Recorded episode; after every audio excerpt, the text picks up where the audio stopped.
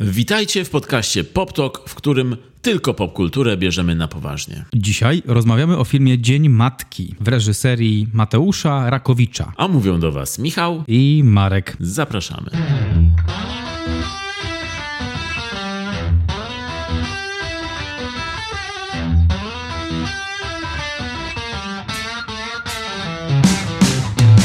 Widziałeś zdjęcia z Nosferatu Eggersa? Skończyli kręcić, chyba dziś. O, nie widziałem. Yeah, it's fucking awesome. Już sprawdzam. Plakacik jest, może być piękny film. Z, ze Skarsgardem jest Is the Fall. Uuu, Yeah. nice. Dobrze, Yeah. dobrze to wygląda. Ej, creepy. No, powiem Ci, że wygląda dobrze. Oddaje ducha oryginału i oddaje ducha Willema Dafoe. Premiera Nosferatu 2024 rok. A słuchaj, bo festiwal w Cannes się skończył i rozdano nagrody, troszkę nieoczywiste nagrody z tego, co obstawiano. Nieoczywiste, czyli dali kilogram cukru komuś. Za najlepszy film w tym roku dajemy cukier. Jak ja mam z tego przejść? po prostu powiem, że za najlepszy film został wybrany Anatomy of a Fall, czyli Anatomia Upadku, francuski film e, reżyserki, która nazywa się Justine Triet. Justine Triet, która jest drugą francuską reżyserką po Julie Ducournau, autorki Titan, która wygrała w ciągu ostatnich paru lat e, Złotą Palmę w Cannes. E, Triet i nie oglądałem żadnego wcześniejszego filmu tej reżyserki. Jej poprzedni film Sybilla też startował w konkursie e, o Złotą Palmę, n- przegrał. W tym roku obstawiany był głównie film Strefa Interesów w reżyserii Jonathana Glazera, bardzo dobrego i oryginalnego, nietuzinkowego reżysera pochodzenia brytyjskiego, który ma na koncie naprawdę świetne filmy, takie jak Sexy Beast. Uwielbiam Sexy Beast z Rayem Winstonem i Benem Kingsleyem i byłem na tym w kinie nawet, kiedy ten film wyszedł. Nie powinienem być wtedy w kinie tego dnia, bo to zdecydowanie nie było na mój wiek, ale byłem, obejrzałem i, i chętnie teraz do tego wracam i nauczyłem się przeklinać po tym filmie po angielsku. A też ma w filmografii film Pod skórą Under the Skin ze Scarlett Johansson i Adamem Pearsonem, tym aktorem o zdeformowanej twarzy, o którym już e, kiedyś wspominaliśmy w podcaście przy okazji festiwalu American Film Festival. E, Ale to, to wszystko jest nieważne, bo film Strefa Interesów był obstawiany jako zwycięzca Cannes i miał naprawdę świetne recenzje, zbierał i zbiera nadal. I co ciekawe, jest to koprodukcja również polska, bo tam Polska y, brała udział w, w, w tej produkcji razem z Wielką Brytanią i Stanami Zjednoczonymi. No i jest to film opowiadający o obozie w Oświęcimiu, o komendancie obozu koncentracyjnego. E, No i jest podobno, podobno ten film wymiata. I nawet są takie głosy, żeby ten film był kandydatem Polski w walce Oscarowej w przyszłym roku, bo jesteśmy koproducentami, co byłoby ciekawe. E, No ale w każdym razie strefa interesów The Zone of Interest wygrało e, Grand Prix festiwalu oraz jeszcze jedną nagrodę FIPRESI jako najlepszy film konkursu głównego. Także też zdobyło sporo. E, Natomiast właśnie tą Złotą Palmę e, wygrała Justin Triet e, z Anatomią Upadku. Z ciekawych rzeczy jeszcze można powiedzieć, że nowy film reżysera fińskiego Aki Kaurismaki otrzymał nagrodę jury, a palmę za reżyserię otrzymał An Hung Tran za film Bulion i inne namiętności. Najbardziej mi się podoba ten tytuł właśnie. Bulion i inne namiętności. Taki bulion z kurczaka? Tak. Ale no, producentem filmu jest Winiary. Mam, mam na to odpowiedź. Tak. Wiesz, jakby brzmiały wibracje w telefonie Boba Dylana? Pozytywnie. Brzmiałyby tak. Eee, eee. Tam jest coś dalej jeszcze? Jest jakaś puenta, czy to jest koniec? O, to cię nie bawi. jak, jak sobie przypomnisz piosenki Boba Dylana, to Tak, one tak, tak, tak. się właśnie... A w ogóle jak powiedziałeś Boba Dylana, to pierwsze co pomyślałem to Baba Marleya w ogóle, nie wiem dlaczego. Wow! Nikt nie wie. Nie wiem dlaczego mi się przyszedł do głowy Bob Marley i miałem w głowie Boba Marleya, jak to mówiłeś. Mówię, przecież to nie brzmi jak Bob Marley. Ale już teraz rozumiem, że to był inny Bob, okej, dobra. Zatrzymałem się na Bob, dalej nie słuchałem co mówisz. Okej, okay, okej. Okay. A może here's another one. Jak DJ nazywa swoje dziecko? Syna. Remix. Dobre, ale nie. Nazywa go Eric. Okej, okay, dobre, dobre. To było dobre. To było... Mm, było dobre. Specjalnie wyselekcjonowałem tego typu żarty na dziś. Czy dziś jest jakaś okazja, że wyselekcjonowałeś żarty? Jest okazja, jest Dzień Dziecka, jest, my też jesteśmy dziećmi. Jest to przyjemny dzień, nagrywamy 1 czerwca, jest pięknie, jest słonecznie. Uznałem, że na taki wyjątkowy dzień warto by było trochę dziecka w sobie obudzić właśnie poprzez takie żarty. Słusznie, żarty o Bobby Dylanie to jest coś, co wszystkie dzieci lubią. Poza tym chciałem zauważyć, że tak, dziś jest Dzień Dziecka, kiedy nagrywamy e, i powinniśmy być właśnie z naszymi dziećmi w tym momencie naszymi osobnymi dziećmi, dodam, nie, nie wspólnymi. Ale nie jesteśmy, tylko siedzimy tu i nagrywamy z dala od naszych dzieci. I opowiadamy sobie żarty. A na czele jury rozdającego nagrody w tym roku w Cannes stał reżyser i scenarzysta Ruben Östlund, którego film w Trójkącie omawialiśmy nie tak dawno w tym podcaście. W Trójkącie wygrało rok temu Złotą Palmę w Cannes, dlatego Ruben był na czele czyli niekoniecznie tylko dlatego, ale pewnie dlatego też ten e, reżyser był na czele jury. A w ogóle w jury była też Brie. W jury była Brie. Brie Larson? Yep. Okej, okay, nice. Wiedziałeś o tym? Nie, nie wiedziałem o tym. Do tego faktu nie doszedłem, tylko zatrzymałem się na przewodniczącym. Ale tak, znaczy, kiedyś czytałem, pewnie przed festiwalem czytałem skład, ale widocznie zapomniałem. Brie Larson, którą możemy obecnie oglądać w Szybkich i Wściekłych 10, była w jury festiwalu w Cannes. To jest połączenie dwóch światów. Right there. Dwa różne światy ostatnio też się spotkały.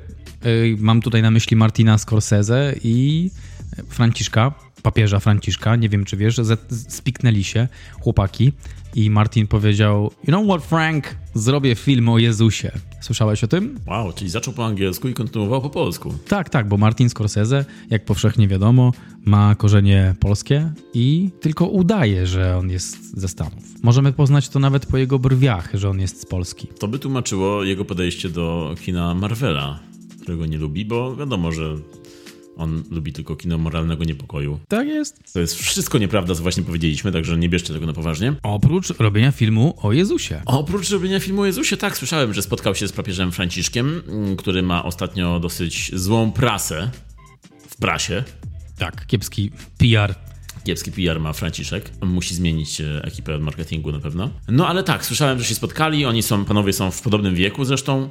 E, I Martin Scorsese przy tej okazji powiedział, że planuje, mm, że, że, pisze scenariusz, który zamierza zrealizować o Jezusie Chrystusie, co jest ciekawe na tyle, że już jeden film na ten temat zrealizował, czyli Ostatnie Kuszenie Chrystusa z Willemem Defoe. Ale myślisz, że oni się spotkali i Martin tak, tak powiedział na serio, czy tak na zasadzie kurde, zobaczę się z Franciszkiem, to muszę mu coś powiedzieć, no nie, że, że też trochę wierzę, to, to może mu powiem, że zrobię film, tak, tak trochę głupio przyjść i powiedzieć po prostu hej, co tam słychać, no nie? No to tak jak widzisz się na przykład, nie wiem, z Mariuszem Pudzianowskim i mówisz mu, nie mówisz mu o tym, że byłeś w galerii handlowej, tylko że, wiesz co, też zastanawiam się nad planem treningowym. Chcę trochę, chcę, chcę poćwiczyć, chcę dobrze wyglądać. Słuchaj, widziałem się kiedyś z Mariuszem Pudzianowskim i w ogóle z nim nie rozmawiałem o ćwiczeniach. Dlatego od tamtej pory nie gadacie.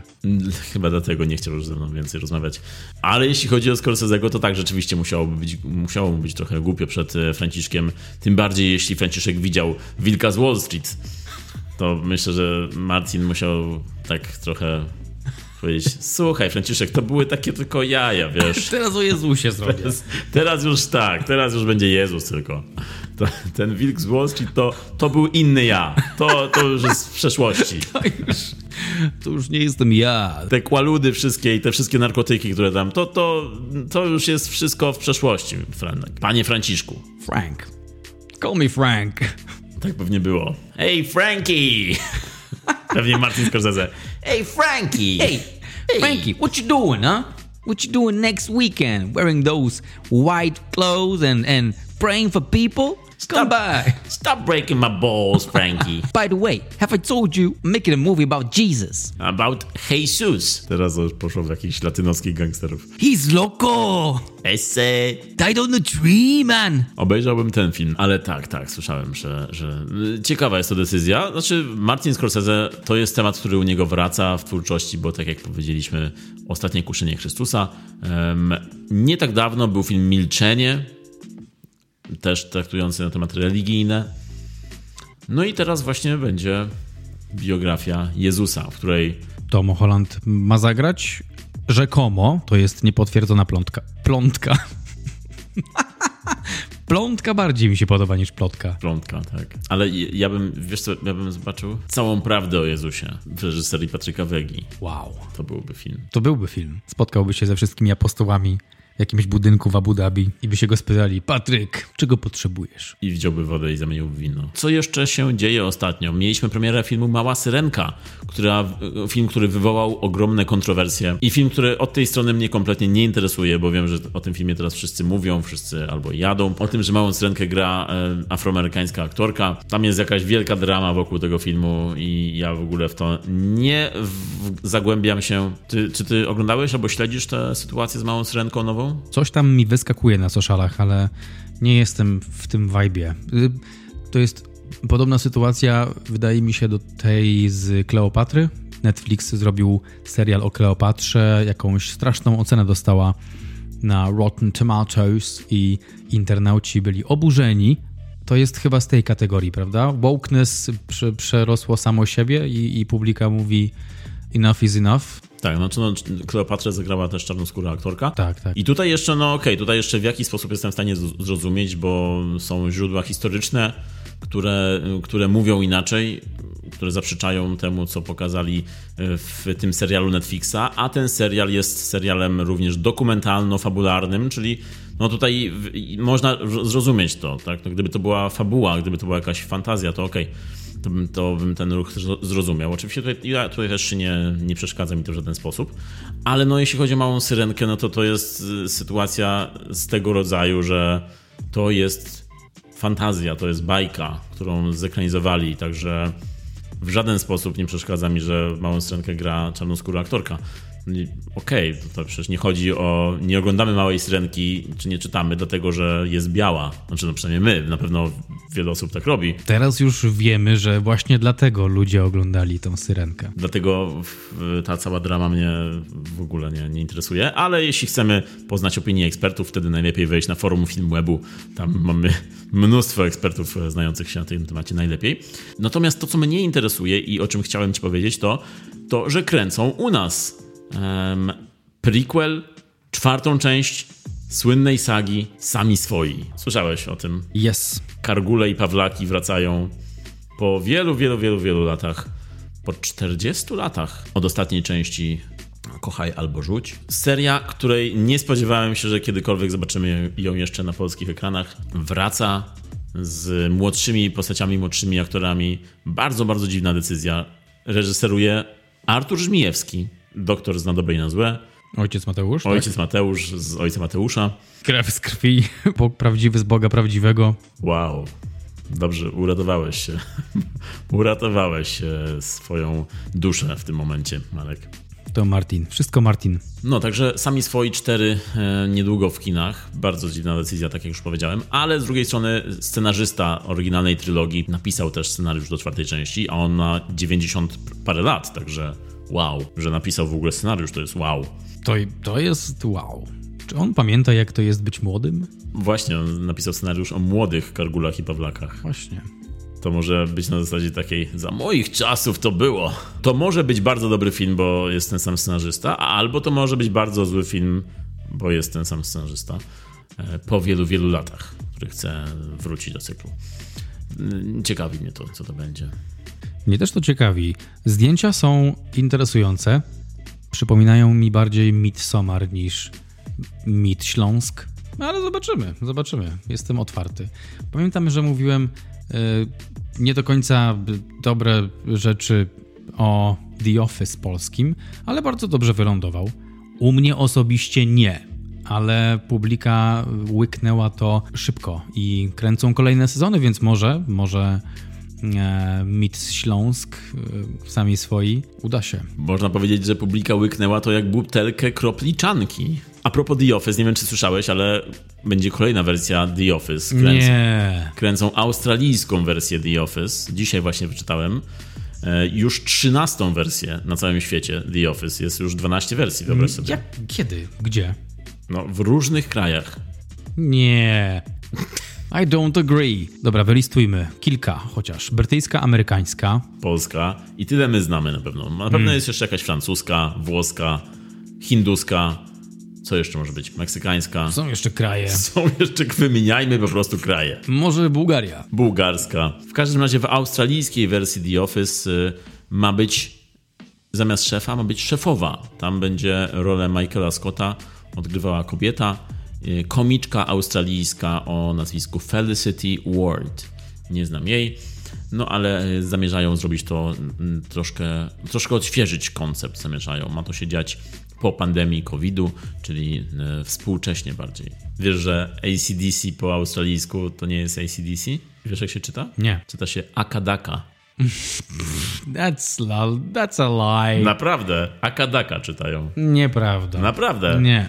Sprawdź to. Uh, no. Jeszcze mi uwierzysz, kiedyś zobaczysz. No ale y, mówiłem tu o samych swoich, o polskiej klasyce, to teraz przejdźmy do polskiej nowoczesności, bo tematem dzisiejszego odcinka jest nowy film Netflixa, polski film akcji pod tytułem Dzień Matki. A nagrywamy w Dzień Dziecka. A przed nami Dzień Ojca. A Dzień Matki wyszedł w dzień przed Dniem Matki, czyli w Wigilię Dnia Matki na polskim Netflixie. E, duża premiera i duży film, przede wszystkim duży, przez to, że jest to kolejny z dosyć nowego nurtu w Polsce, jakim jest polskie kino akcji. Nie jest to poletko, w którym się w, w specjalizujemy, dlatego też zawsze cieszy oczy taki widok jak polskie kino kopane. E, film sensacyjny z Polski kino klasy B, można powiedzieć. Netflix trochę dzisiaj zastępuje wypożyczalnie wideo, w których e, taki kino akcji, kino klasy B zalegało na półkach e, i, i właśnie fani przychodzili, wypożyczali. To teraz Netflix stał się takim miejscem i bardzo mnie to cieszy, że taki film jest dużą premierą Netflixa, premierą ogólnoświatową, bo na całym świecie ma dobrą oglądalność. Wskoczył na pierwsze miejsca E, topek oglądalności Netflixa e, ogólnoświatowej, wśród filmów zagranicznych oczywiście. No i miał też pierwsze miejsce i ma też pierwsze miejsce oglądalności w Polsce. To jest fajne, że polski film akcji potrafi e, takie coś osiągnąć i że jest to polski film akcji, który jest zrobiony jak światowy film, powiedzmy to, że jak amerykańskie kino to wygląda. Mówiło się tak swojego czasu często, że ej, te, ten polski film to już wygląda prawie jak amerykański i to prawie robiło dużą różnicę.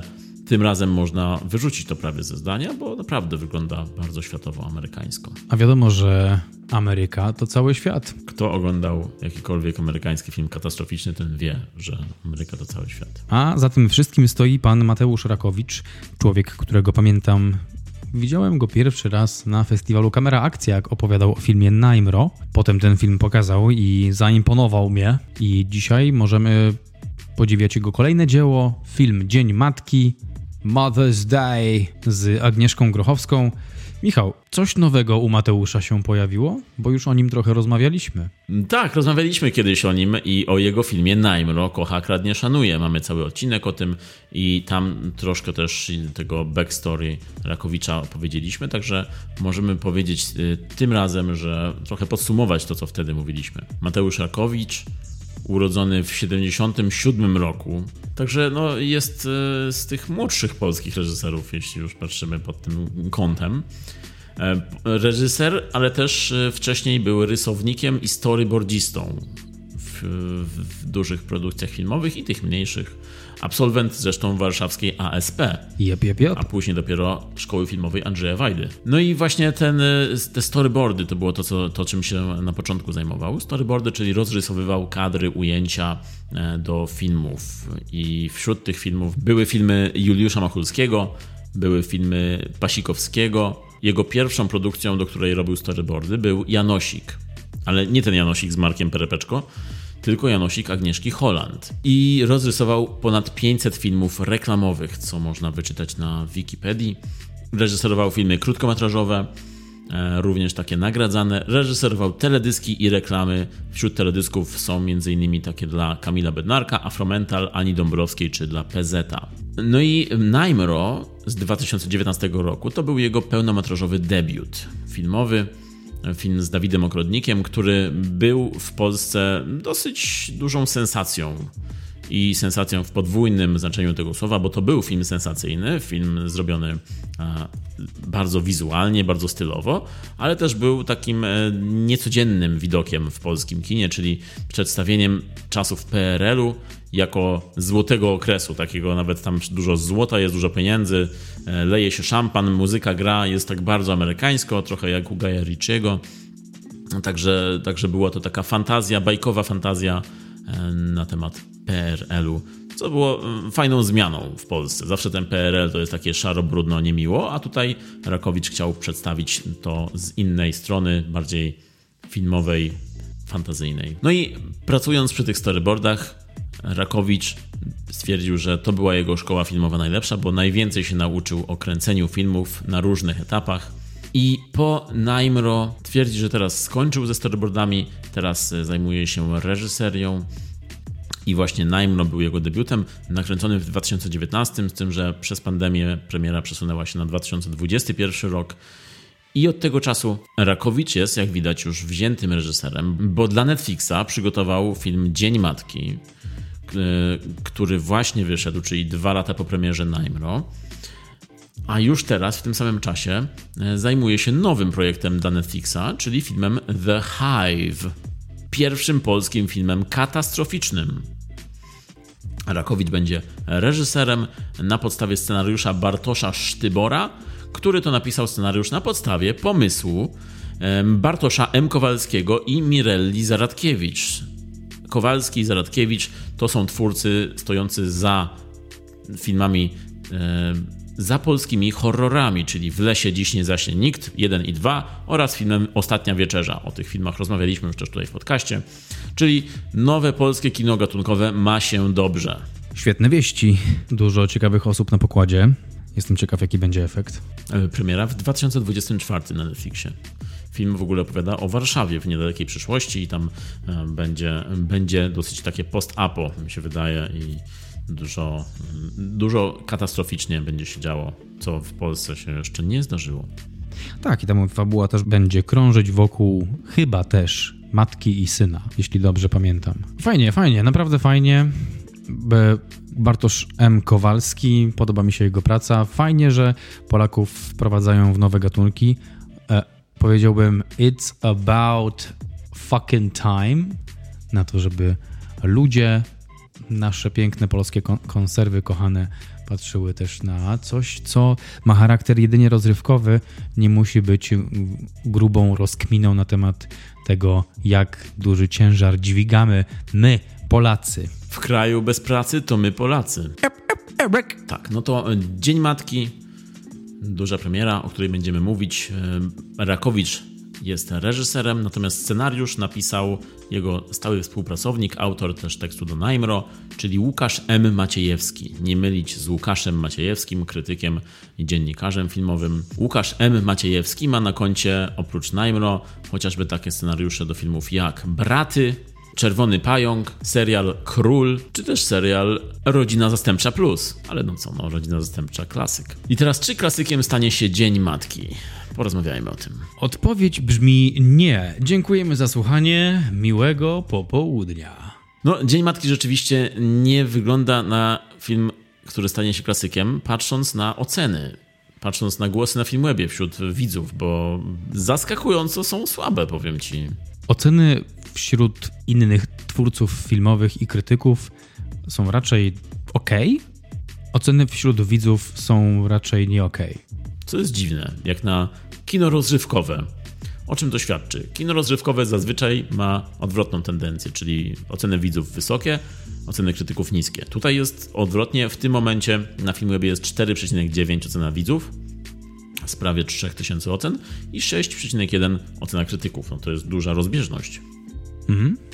Ciekawe, dlaczego polscy widzowie nie przyjęli tak ciepło tego filmu, bo jako widz, jako Polak jestem dumny, że u nas coś takiego się nam trafiło, że coś powstało takiego. Tak, tak, ja, ja tak samo, tak samo. Może właśnie dlatego jest ta rozbieżność, bo ludzie, którzy zajmują się oglądaniem filmów i krytykowaniem ich e, lub mają większą wiedzę filmową, patrząc tak szerzej na dziedzinę, jaką jest film, też właśnie doceniają i cieszą się, że polskie kino jest wzbogacane następnymi gatunkami, a być może widzowie oglądają taki film akcji i myślą sobie, w Stanach są o wiele lepsze, co to jest za film akcji? Jakaś grochowska będzie mi tu po ekranie biegać? Przecież to, jest, to zupełnie jest nierealistyczne. Przecież tą mąką czy tam tym piwem to nie zabije człowieka. Grochowska by tak w życiu nie zrobiła. tak, not Grochowska that I know. To jest chyba to, to jest kluczowe.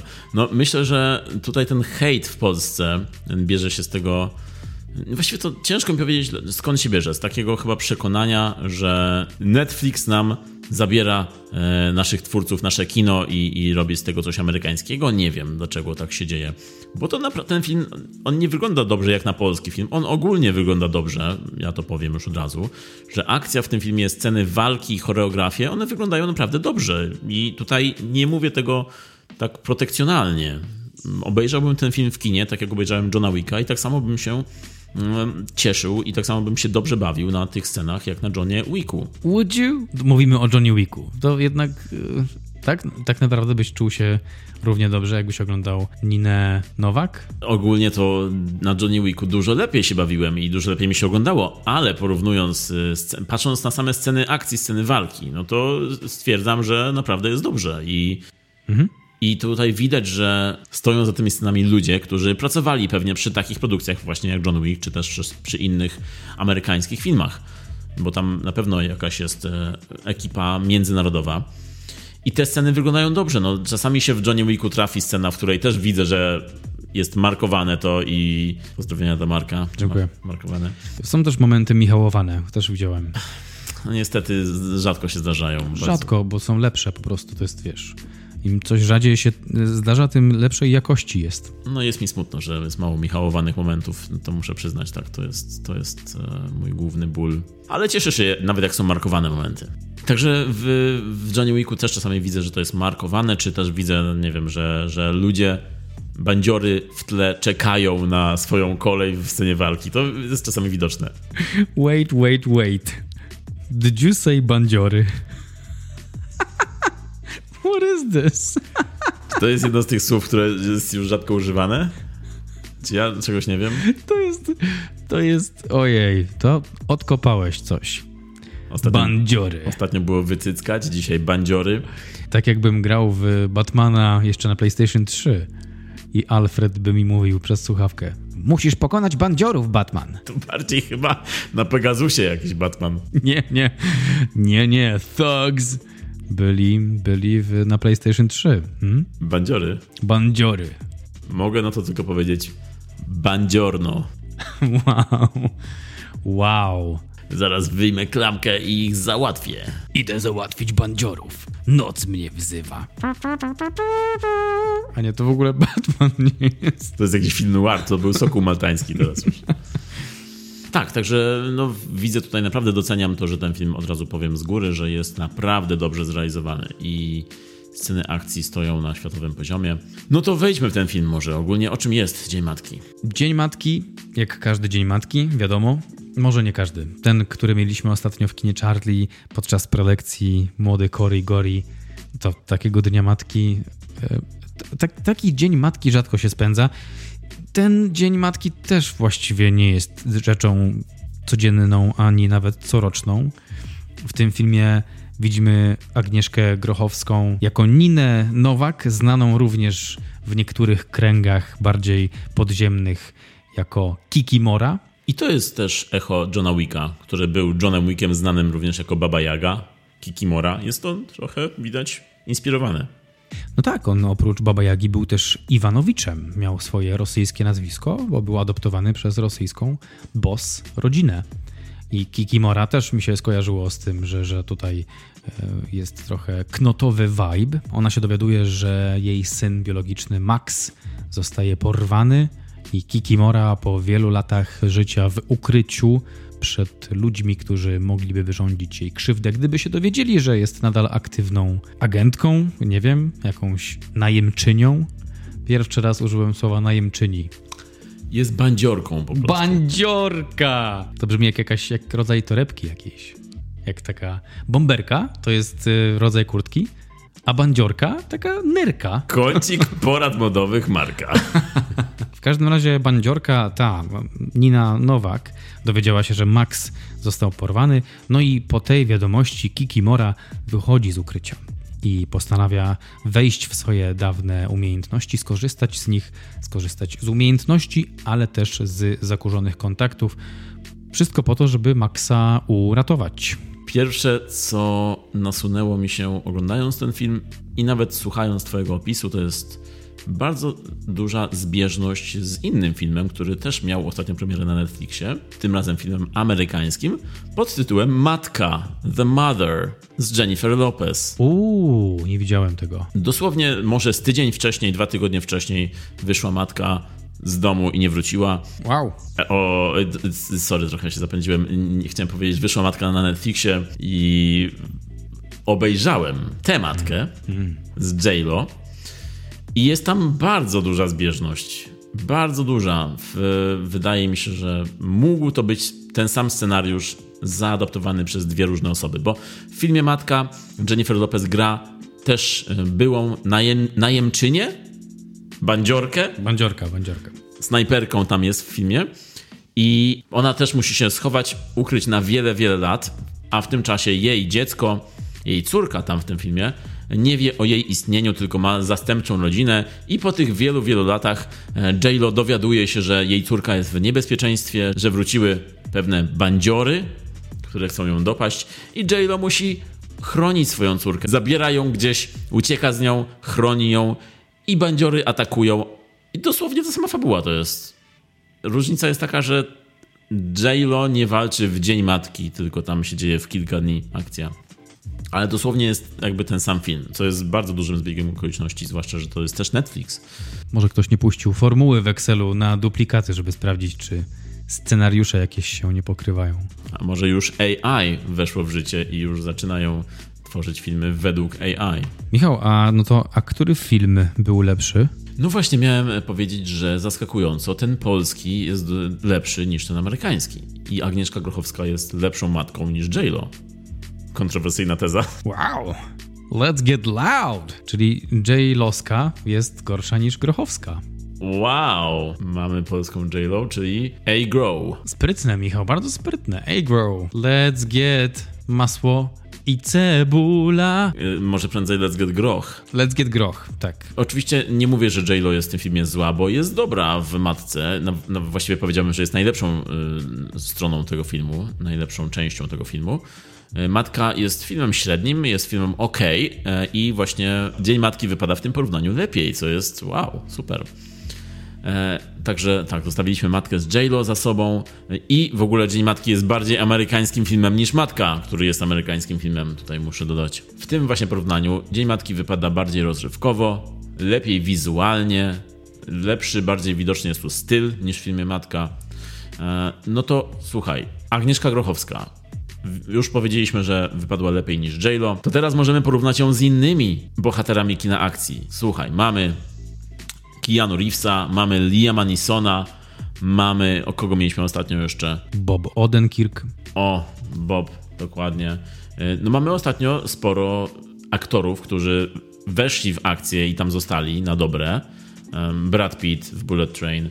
No to teraz, czy Agnieszka Grochowska, jak ona, jak ją porównujesz z tymi bohaterami kina akcji? Byłem zachwycony Agnieszką Grochowską, znaną również po dzisiejszym dniu jako A-Grow. Uważam, że to jest świetna nazwa, Michał. All credit, wszystko zasługi dla ciebie. Jeśli gazety zaczną tak o niej pisać, to mam nadzieję, że pani Agnieszka się tutaj z nami skontaktuje. Agrow wypadła świetnie. Teraz już tak będę nazywał panią Agnieszkę Grochowską. Agrow, uwielbiam to. Myślę, że jej też by się spodobało. Agrow wypadła świetnie, bra. Jak oglądałem ten film, jej, jej gra aktorska była dla mnie najmocniejszym nosidłem tej, tego filmu, bo ma, mam coś tam mam do powiedzenia na temat tego filmu jeszcze.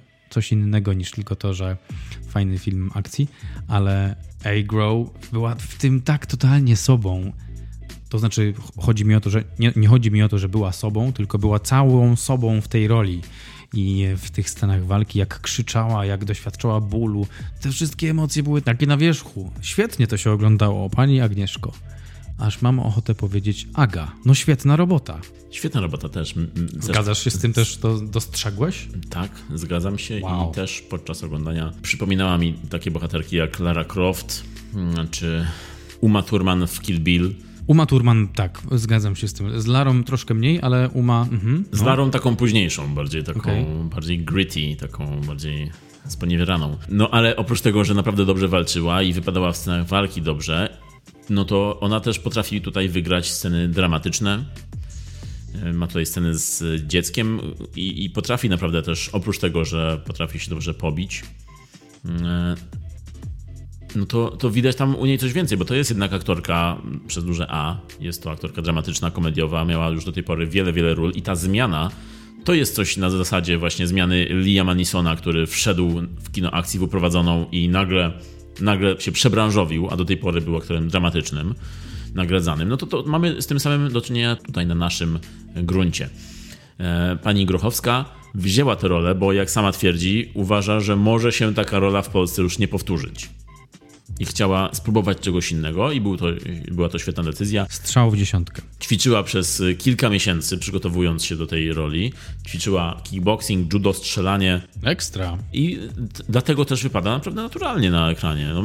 Nie rozumiem, czemu nie doceniamy takiego kina. Nie rozumiem. Jest, to jest przecież, to ma też swoją funkcję, ale ale wydaje mi się, że przydałoby nam się więcej tego rodzaju kina, tak, takiego właśnie takiej kultury chodzenia do kina na jakieś energetyczne filmy, pełne energii. To, to, to super w ogóle wybór I, i to przygotowanie, nie wiedziałem o tym tyle miesięcy i przygotowanie fizyczne i takie rzemieślnicze, powiedzmy, pod kątem obsługiwania broni. Kurde, ekstra, kurde, balans. Też myślę, że przydałoby nam się trochę więcej luzu e, w tych tematach e, i więcej dystansu do tego rodzaju kina, bo myślę, że też ten u nas ten dystans to jest kluczowa e, kwestia my, Polacy, przyzwyczajeni do kina cierpiętniczego, kina moralnego niepokoju, jako ci cierpiętnicy Europy. Tak, tak.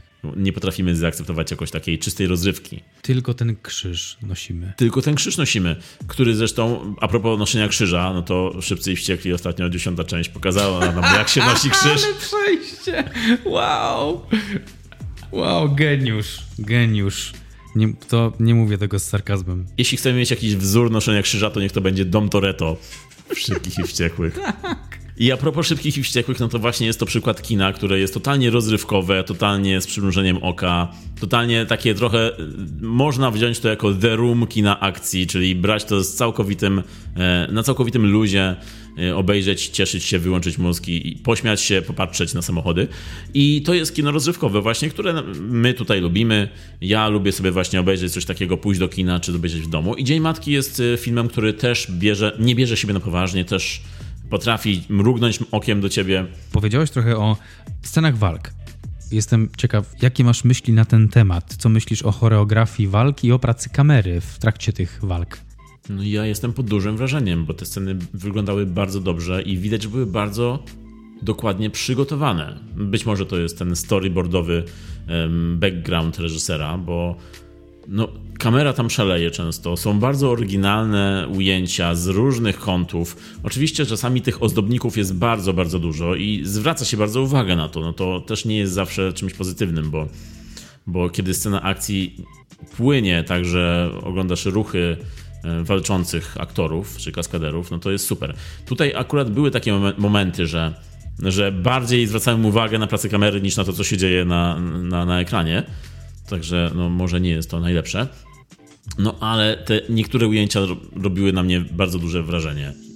Sceny walk wyglądały według mnie w większości bardzo dobrze. Jak to było u ciebie? Zgadzam się z tym totalnie. W większości bardzo dobrze. Były takie momenty, kiedy kamera przejmowała, przejmowała akcję i zastanawiałem się nad tym, co robi kamera, a nie co robi aktor, ale choreografię i kadrowanie naprawdę super.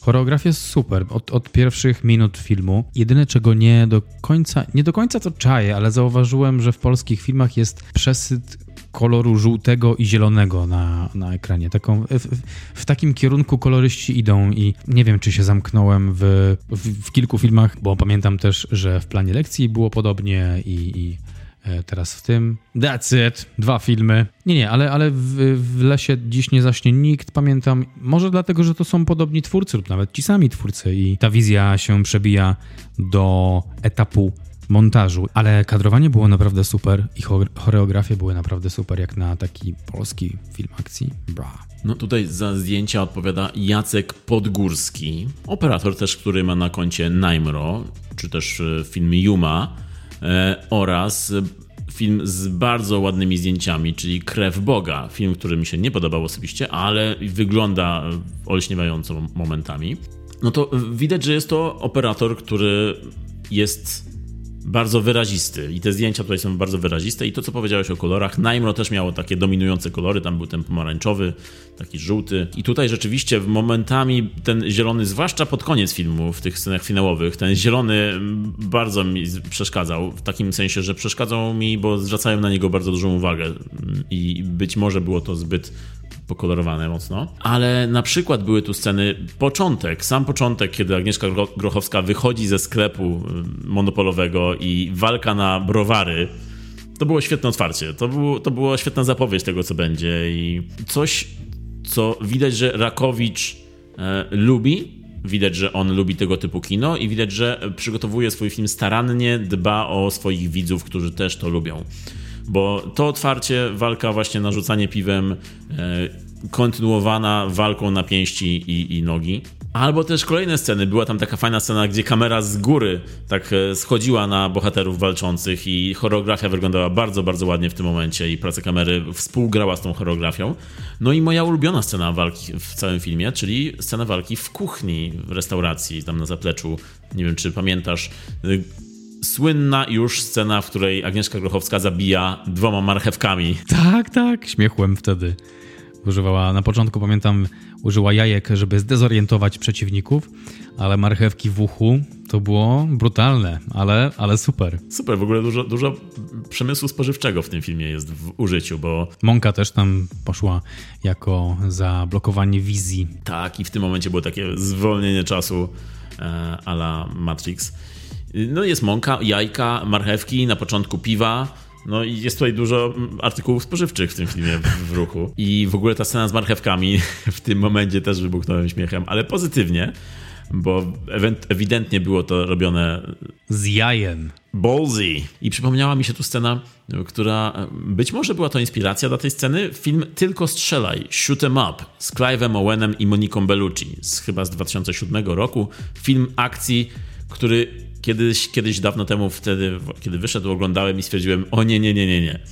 Bo to było do, dokładnie też tak bardzo przesadzone kino akcji, które dzisiaj bardzo lubię i które później obejrzałem jeszcze raz po latach i stwierdziłem, ej, nie, miałem złe podejście do tego filmu, brałem go zbyt na poważnie, a to jest ewidentnie komediowo z przymrużeniem oka i kiedy obejrzałem jeszcze raz stwierdziłem, ej, to jest fajne jednak. Zacząłeś nagrywać podcast i uznałeś, że nie można rzeczy brać na poważnie, zwłaszcza w PopTok, Dokładnie, dokładnie. My tutaj rozmawiamy o takich filmach, że życie przestaje być poważne. Ale tak, ale scena z marchewkami. W Tylko strzelaj Clive Owen też zabija marchewką w jednej scenie, tak dosłownie w ten sam sposób, także bardzo mi się skojarzyło.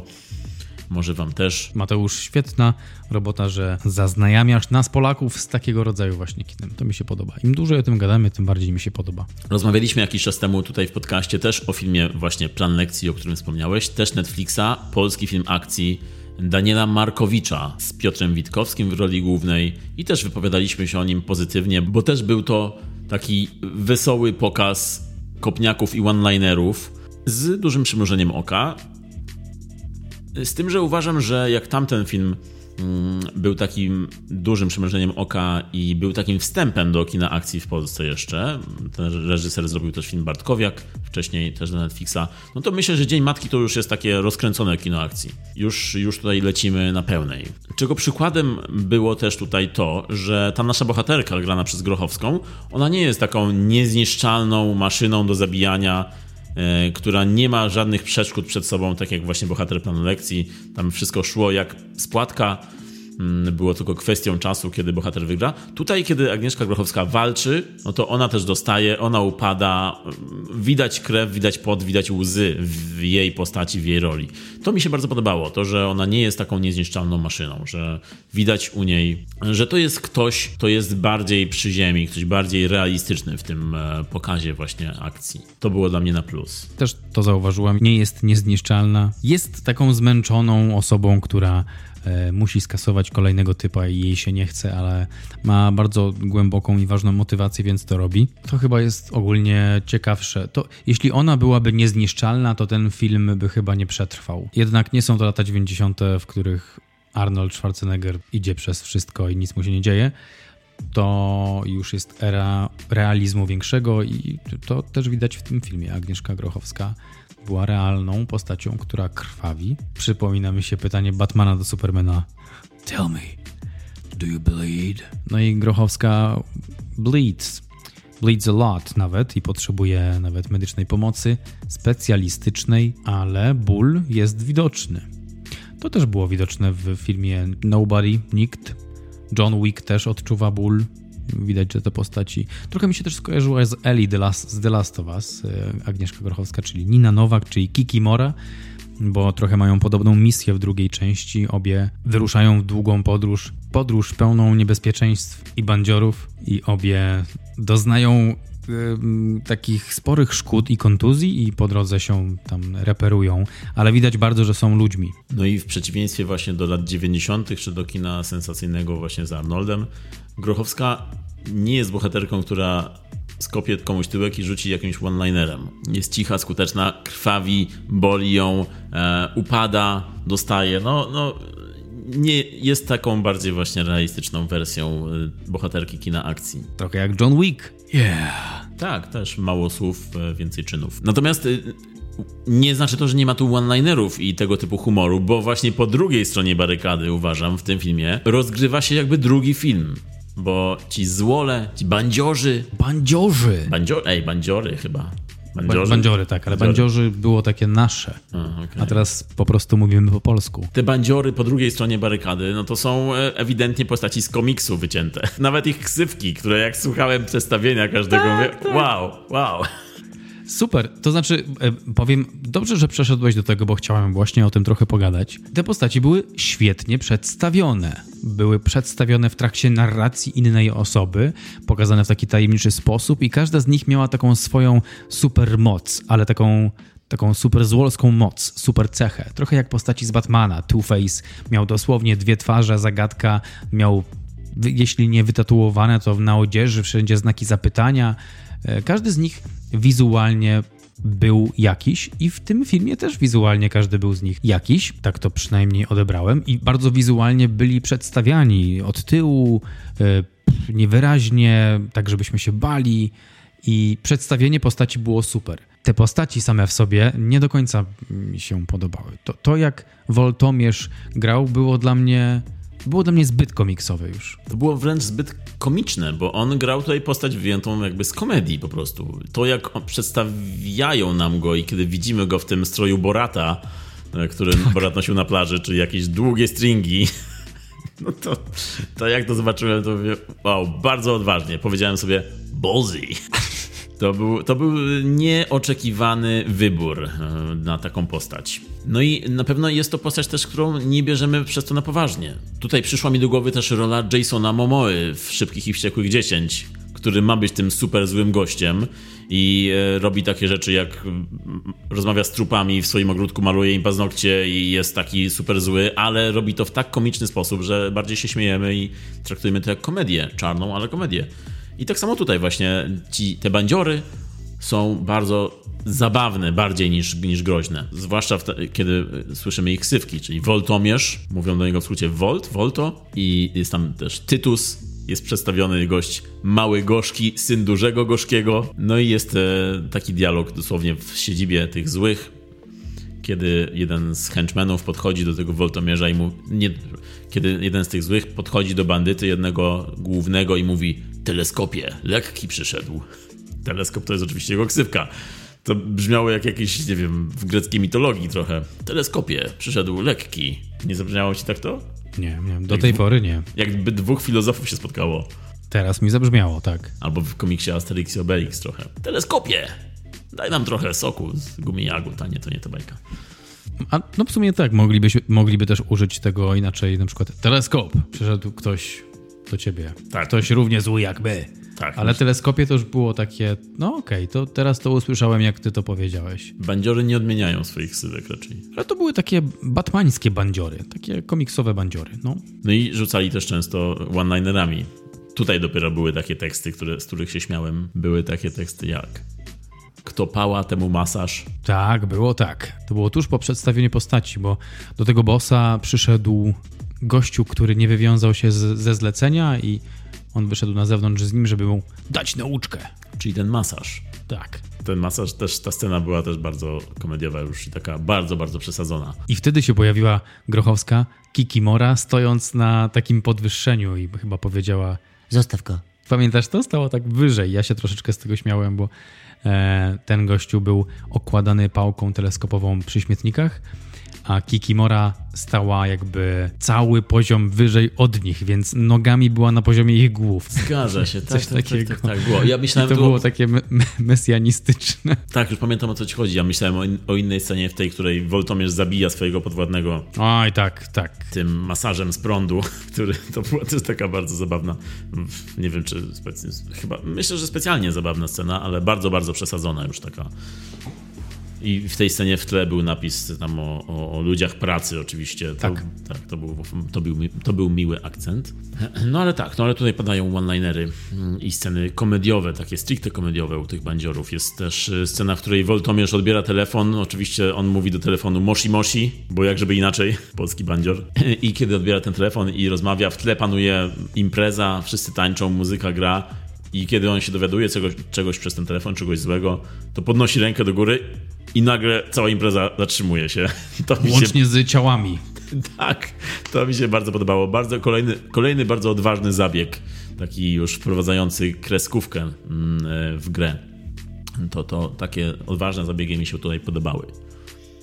Nie każdy był tak odważny i tak e, nie zawsze szli na całość w tych swoich zabiegach. Były takie sceny, które były, miały być lekko komediowe, ale jednak takie były bardziej niezdecydowane, przez co nie wybrzmiewały w ogóle. To, to, też było na pewno, no bo ogólnie to też nie jest film idealny, nie jest to film, do którego nie mamy zarzutów. Tak jak powiedziałeś, postaci tych złych są tutaj bardzo, bardzo kreskówkowe, przerysowane. Nie każdemu się to na pewno spodoba. Też czułem, że scenariusz nie za, nie za bardzo um, się odnajdywałem w nim. To znaczy, nie do końca kumałem, czemu ta jakby osoba też ściga Kikimorę, za, za co tam, tam niby jest powiedziane, że, że ten ojciec jest zabity, czy ktoś z rodziny był zabity przez Kikimorę i teraz ten ktoś chce się zemścić na, na niej. Ale później film się rozwija i ta fabuła się zmienia i nie za bardzo kumałem, no to co, o co wchodziło w końcu, jakby czemu. E, bardzo mi się podobała, podobały sekwencje w tej siedzibie tajnej siedzibie policji. To były fajne sekwencje. Wizualnie i aktorsko naprawdę ciekawe, ale mało rozwinięty był ten wątek. Tam nie kumałem tego, tych, tych zależności. Trochę mi brakowało wyjaśnienia tego aspektu historii. Rzeczywiście scenariusz jest tutaj bardzo pretekstowy i cała ta fabuła, która się rozwija, no to trzyma się tak naprawdę na jakimś, na, na nitce, którą łatwo przeciąć kiedy pojawi się jakakolwiek wątpliwość. No ale no tak jak mówiliśmy, nie, nie chodzi tutaj o scenariusz. Ja widziałem, że scenariusz tutaj leży, no ale nie traktowałem tego jako coś, czego szukam w tym filmie. Już widziałem od razu wtedy, że okej, okay, nie zwracam uwagi na scenariusz. Sami twórcy się o to proszą. Natomiast właśnie scenografia, siedziba policji, o której powiedziałeś, czy też siedziba tych rosyjskich mafiozów. No scenografia tutaj wygląda bardzo dobrze. Warszawa nocą w tych światłach neonowych wygląda bardzo weekowo, bardzo amerykańsko. Zdjęcia, no, kamera szarżuje, o czym powiedzieliśmy. No jest, jest na co naprawdę popatrzeć tutaj. Były takie sceny, w których widać, że twórcy się inspirowali innymi filmami akcji i jest to troszkę taki zlepek inspiracji. Była tutaj taka scena, w której kamera um, przechodziła przez dwa pomieszczenia, wchodziła do jednego, później zawracała i tak po kole krążyła i pokazywała bohaterów po dwóch stronach ściany podczas strzelaniny. Scena żywcem wyjęta z filmu Babe. Babe, świnka z klasą kiedy świnki wyjmują machine guny. Scena żywcem wyjęta z filmu Bad Boys 2. Także widać to jak na dłoni inspirację e, reżysera. Nam ewidentnie ten film się podobał, ale tak jak wcześniej powiedzieliśmy, polskich widzów ten film nie zachwycił, wręcz przeciwnie. Bo kiedy wejdziemy na forum Filmwebu i poczytamy nagłówki opinii, no to jest mniej więcej tak. Ten film jest koszmarny, potworny kloc, Jezus ale kupsztal, to są tytuły opinii. Jest też opinie, są opinie takie jak John Wick na Podlasiu e, i tym podobne. No i e, teraz e, skąd taki odbiór u nas w Polsce? Wydaje mi się też, że może być to dlatego, że jest to jeden z kolejnych ulubionych powodów do narzekania polskich widzów, zwłaszcza na Filmwebie, czyli to, że bohaterką jest tu kobieta, silna postać kobieca, co widzę, że często polskim filmwebowiczom się nie podoba. Stąd może być też taka ocena, że jak to ta kobieta bije facetów. I już 1 na 10. Natomiast chciałem powiedzieć ważniejszą rzecz, to że ten film ma dobre opinie za granicą. Bo jak już wspomnieliśmy wcześniej, jest to topka oglądalności Netflixa obecnie filmów zagranicznych na świecie. No ale recenzje na IMDb to jest w większości 7 na 10, 8 na 10, 6 na 10. Są oczywiście złe recenzje, no ale widać, że film się podoba raczej niż nie podoba. Jeśli wejdziemy na Letterboxa, no to tam też są osoby, które raczej doceniają ten film. Trzy gwiazdki to jest coś, e, co, co raczej dominuje. To jest fajne, że ludzie za granicą doceniają właśnie tę naszą rozrywkę skrojoną pod e, światowego widza. I dlatego to mówię, ponieważ też chciałbym, żebyśmy my w Polsce byli w stanie docenić coś, e, coś tak czysto palpowego, rozrywkowego. I to jest idealny czas na podsumowanko. Rakowicz, more like Rakowick. Nawet nie taki slow ten klap. Nie, nie, jestem pod wrażeniem. Mateusz Rakowicz jest dla mnie znany z dwóch rzeczy. Teraz z trzech, ale wcześniej był znany z dwóch najbardziej. Pierwsza rzecz to, to, to ta, o której wspomniałem wcześniej w tym nagraniu, czyli Festiwal Kamera Akcja. To była, nie pamiętam która edycja, ale pamiętam jego tłumaczącego, w jaki sposób nakręcają najmro, pokazywali sceny akcji, te sceny przechodzenia przez samochód, w ogóle sekwencje z takiej giełdy samochodowej, na której sprzedają samochody i był Więckiewicz skaczący po autach, była policja strzelająca do niego. Dużo się działo, byłem pod ogromnym wrażeniem tego, co on chce zrobić, i już wtedy wierzyłem w niego, że dostarczy coś super i coś świeżego, i, i coś, czego brakuje nam w Polsce naszej poturbowanej, czyli filmów akcji. Pięknie to mi się oglądało, nie mogłem się doczekać. Pandemia pokrzyżowała plany, ale w końcu wyszedł ten film i tak jak się spodziewałem, film był super. Więc to była jedna i druga rzecz. Po pierwsze, przedstawianie filmu, przedstawianie tego, jak nakręcają film. Po drugie, sam film. No i teraz trzecia rzecz, czyli film Dzień Matki. Także ja się cieszę, że Mateusz wprowadza nas w to kino.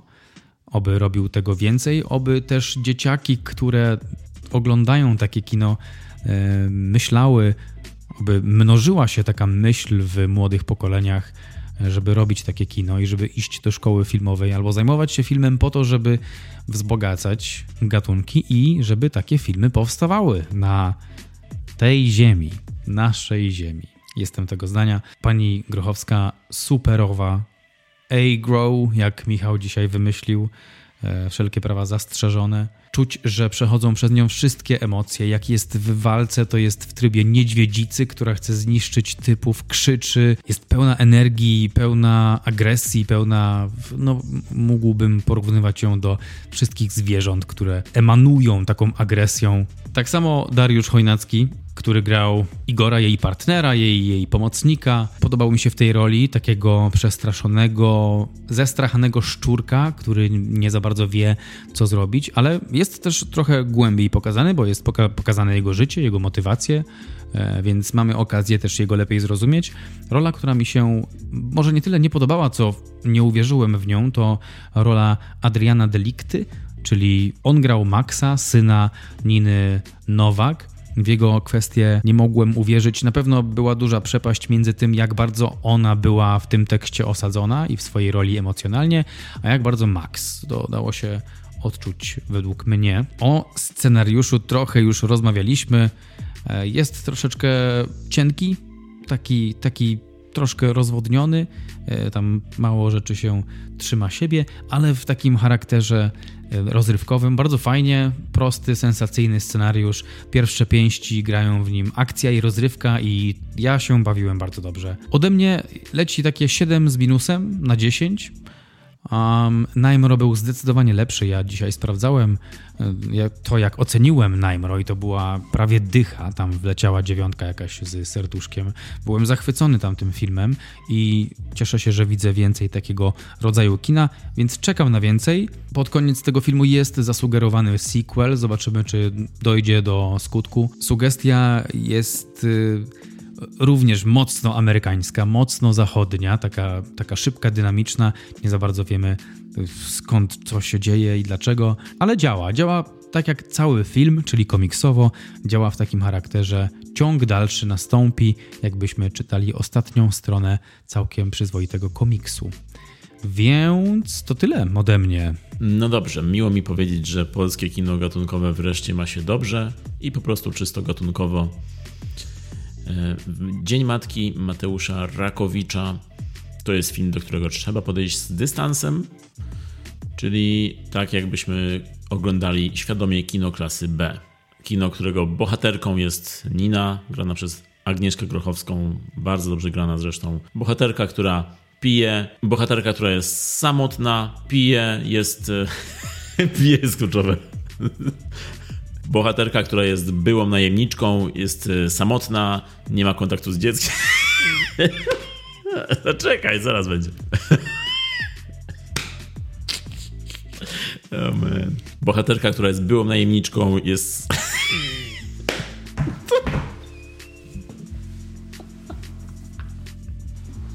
Jednak to.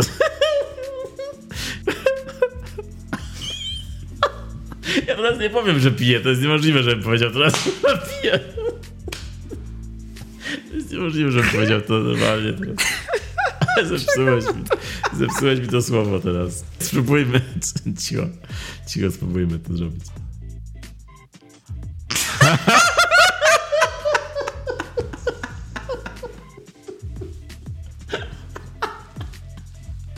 Man. Bohaterka, która jest miłą najemniczką. O Jezus. Miłą najemniczką. Miłą najemniczką powiedziałem. Miła najemniczka. Nowy sketch SNL. Dobry. Bohaterka, która jest byłą najemniczką, przeszła na emeryturę, żeby chronić swoją rodzinę. Twarda kobieta, która pije, operuje dźwigiem, oczywiście nie jednocześnie, jest operatorką dźwigu w, w ramach swojej pracy. Walczy o swoje dziecko. Ta jej walka wypada tu bardzo przekonująco. E, jej syn już nie jest tak bardzo przekonująco aktorski jak e, Grochowska, zwłaszcza w scenach wspólnych, właśnie tak jak Marek już przed chwilą powiedział, ale za to Igor grany przez Dariusza Chojnackiego jest też jednym z jaśniejszych punktów filmu. Jego postać i to jak on wygrywa tego zakatarzonego um, Igora, to, to, to był też, e, to było coś, co fajnie się oglądało. Fajnie jest tu słowem kluczem, bo ten film ogólnie fajnie się ogląda właśnie. Przede wszystkim zdjęcia, scenografia, mm, większość ekipy aktorskiej, która idzie na całość. Jest tu też humor. Nie zawsze ten humor trafia. Gagi są czasami dobre. Jest tutaj scena, w której dosłownie jeden z z Woli, z bandziorów dostaje nożem w czoło. Jego kolega pyta go, nie boli cię głowa? A tamten odpowiada, do szpitala muszę. I upada i umiera. Także ewidentnie scena komediowa. I to mnie bardzo rozśmieszyło podczas oglądania. Także kiedy idą na całość jest ok, kiedy właśnie takie gagi są jest ok, ale nie zawsze te gagi jednak trafiają właśnie, no bo też yy, trochę mówiliśmy dobrych rzeczy o tym filmie, skupiliśmy się na tych pozytywnych stronach, no ale jednak z tych negatywnych na pewno jest to film niezdecydowany, w którym jest e, dużo akcji, jest trochę humoru, ale jest też dużo ozdobników, jest... Yy, ewidentnie styl jest bardziej wyraźny niż scenariusz, niż historia. Mm, I te film dzieli się w pewnym momencie na dwa różne filmy, czyli jest ta strona grochowska i strona bardziej poważna, jest strona bandziorów, którzy są bardzo komiksowi. Ten podział często zgrzyta, no ale ten styl, który jest wystający mocno, ten styl mnie się podobał ze względu właśnie na to, że jest taki ballsy, jest bardzo, bardzo odważny momentami kamera naprawdę szaleje i raz trzęsie się kamera, raz trzyma się mocno bohaterki w tych scenach akcji.